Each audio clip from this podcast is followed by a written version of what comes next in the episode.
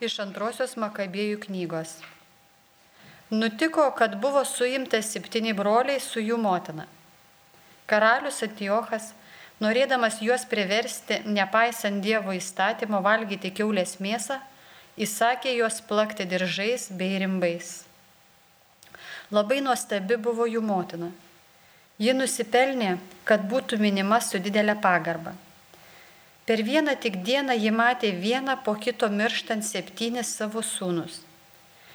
Ji tai narsiai pakėlė, nes kliovėsi viešpačiu. Kilniai galvodama, moterišką savo širdį jis stiprino vyrišką drąsą, kiekvienam jų kalbėjo gimtają kalbą ir sakė, aš nežinau, kaip atsiradote mano kūne. Ne aš jums daviau ir kvėpavimą bei gyvybę Taipogi ne vieno iš jūsų aš nesujungiau iš elementų. Ne.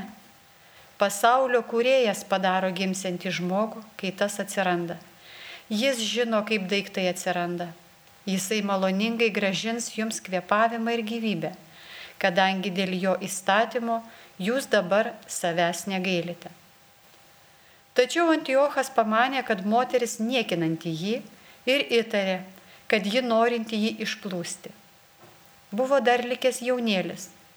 Tad karalius dabar įkalbinėjo ne tik gerais žodžiais, bet ir prisiekdamas žadėjo padaryti jį turtingą ir labai laimingą, jeigu tik jis atkrisęs nuo savo protėvių gyvenimo būdo.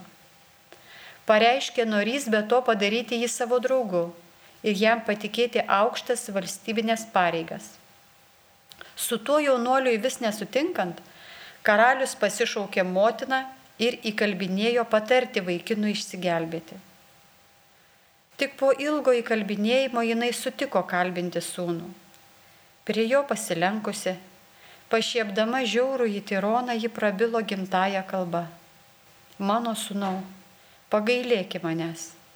Devynis mėnesius nešiojau tave savo kūne, trejus metelius tave žindžiu, tave maitinau auginau ir globojau, kol dabar tu išaugai toks didelis.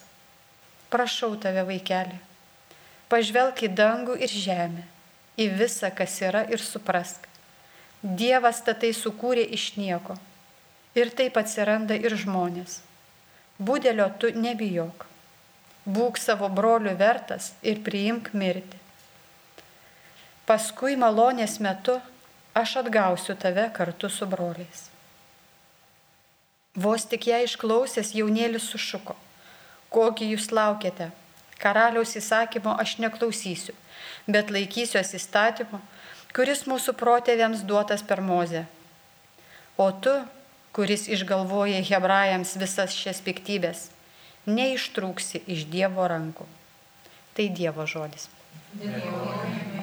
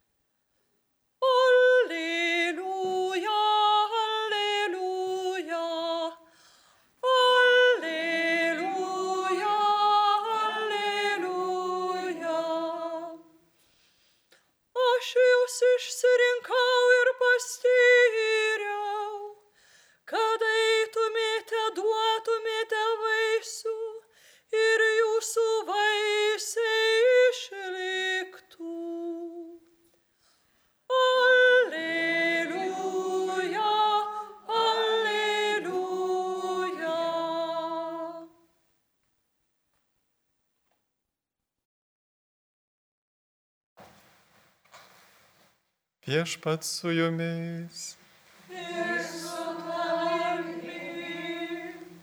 Pasiklausykite Šventojios Evangelijos pagal Luką.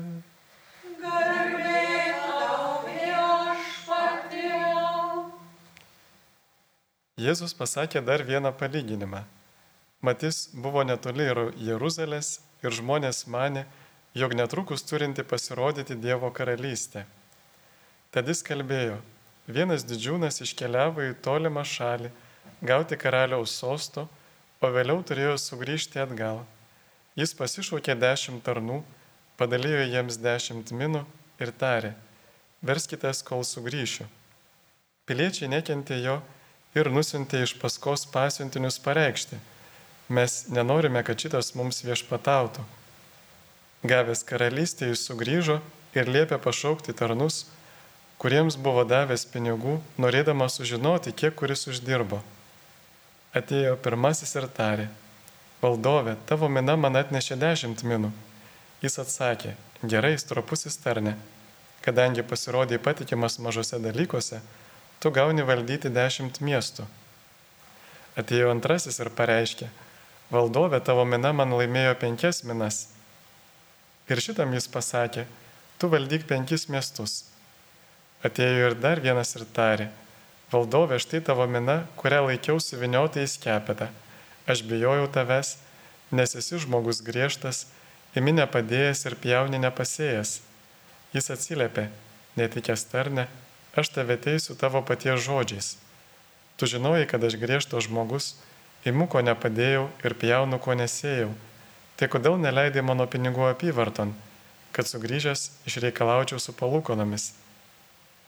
Aplinkiniams jis tarė, atinkite iš jo miną ir atiduokite tam, kuris turi dešimt minų. Tie atsakė, valdovė, bet dienas jau turi dešimt minų. Jis tarė, aš sakau jums, kiekvienas, kas turi, bus pridėta, o iš neturinčio bus atimta net ir tai, ką turėjo. Mano priešus nenorėjusius, kad jiems viešpataučiau, atveskite čia nai ir nugalabykite mano akise. Tai pasakęs Jėzus visų priekyje leidosi į Jeruzalę. Girdėjote viešpatie žodį.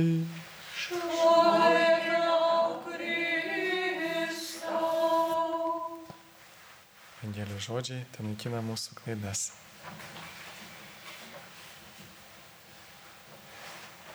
Taigi šitas palyginimas apie minas yra Jėzaus atsakymas į klausimą, kadagi ateis Dievo karalystė.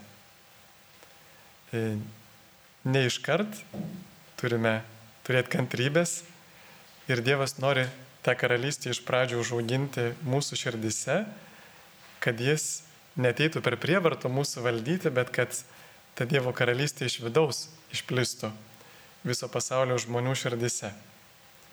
Taigi toliau Jėzus sako, vienas didžiūnas iškeliavo į tolimą šalį gauti karaliaus sosto, vėliau turėjo sugrįžti atgal.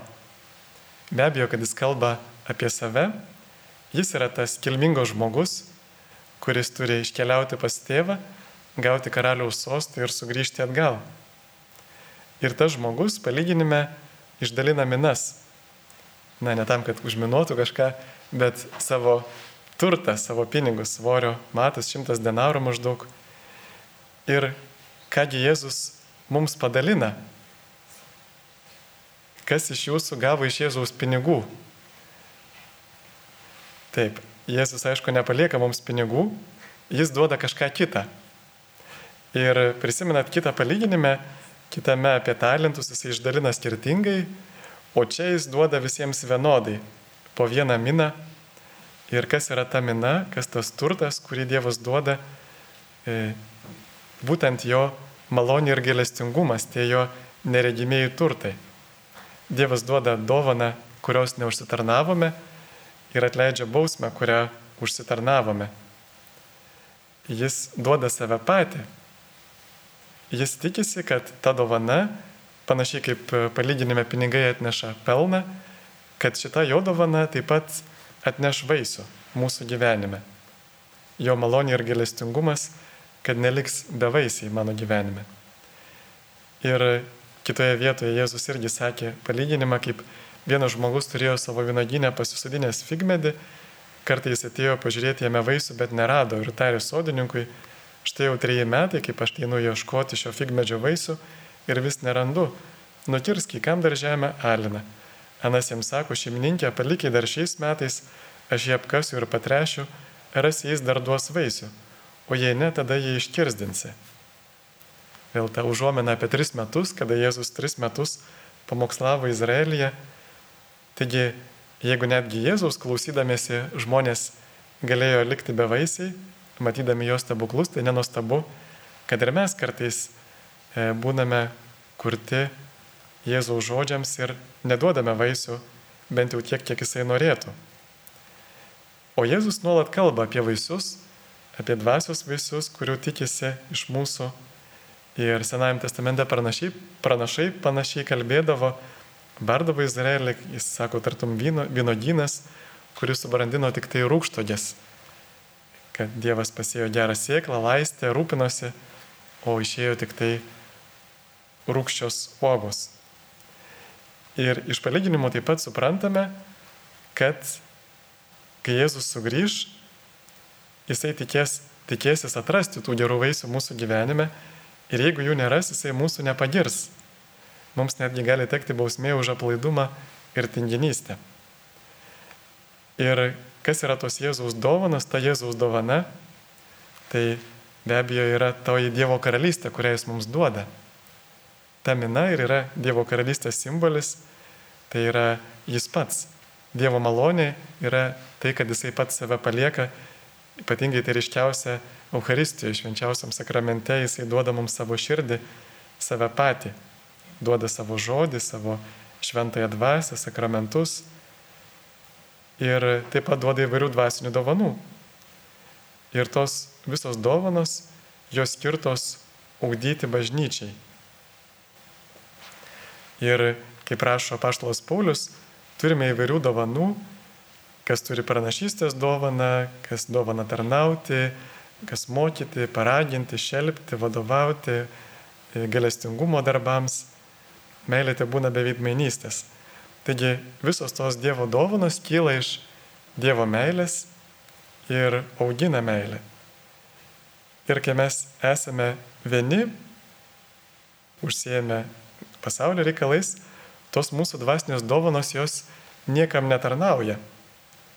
Va, bet kada dalyvaujame kokio nors bažnyčios maldos grupelėje, tarnystėje, tikėjimo dvasioje, tuomet leidžiame tas dovanas iš į apyvartą.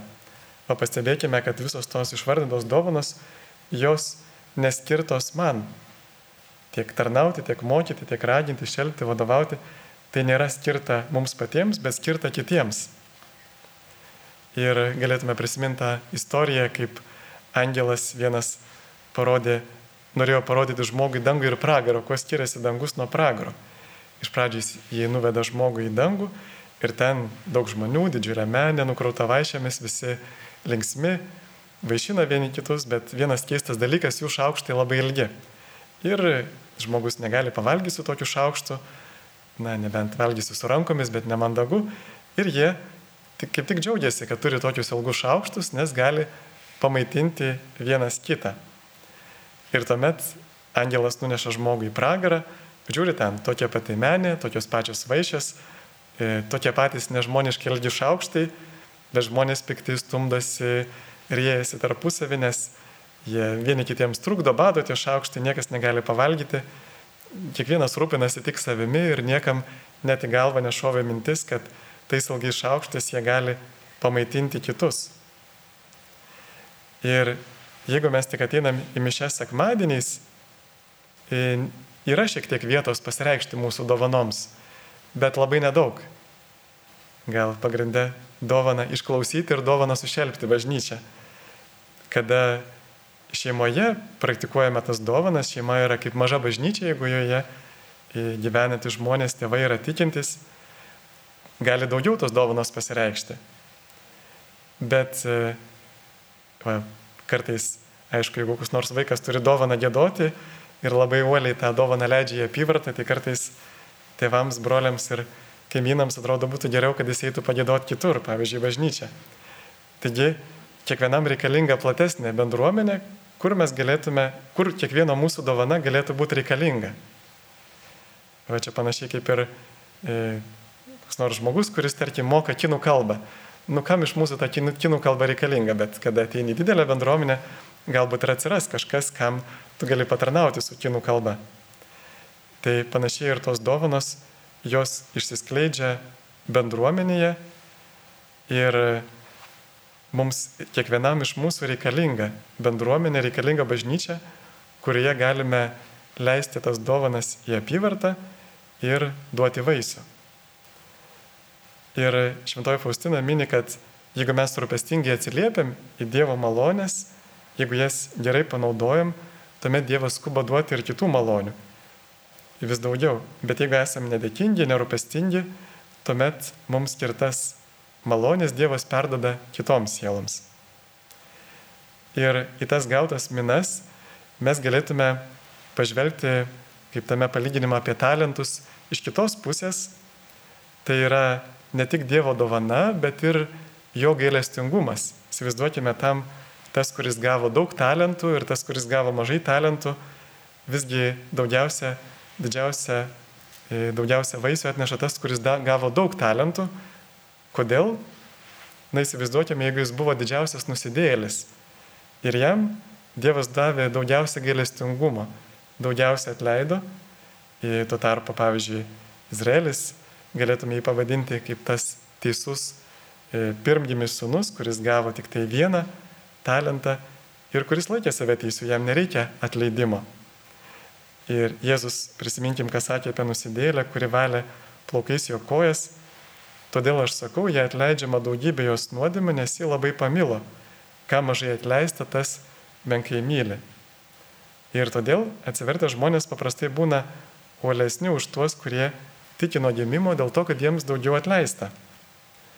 Taigi Jėzus atima talentą iš to savo, savo tautos Izraelio, Dievo karalystė ir ją atiduoda pagonių bažnyčiai, kuriai daug atleista, kurios galva Petras, kuris buvo išdavęs Jėzų ir kuris myli Jėzų labiau už kitus, nes Petrui daugiau atleista negu visiems kitiems. Ir nepamirškime, kad būtent pasitikėjimas Dievo gailestingumu yra tas indas, kurio semiam Dievo malonės ir kuo tas mūsų pasitikėjimas Dievo gerumu bus didesnis, tuo jo dosnumas bus didesnis. Ir mergelė Marija, gailestingumo motina, išmokyk mus per maldą semtis tų Dievo malonių ir gailestingumo ne tik savo, bet ir kitiems. Amen.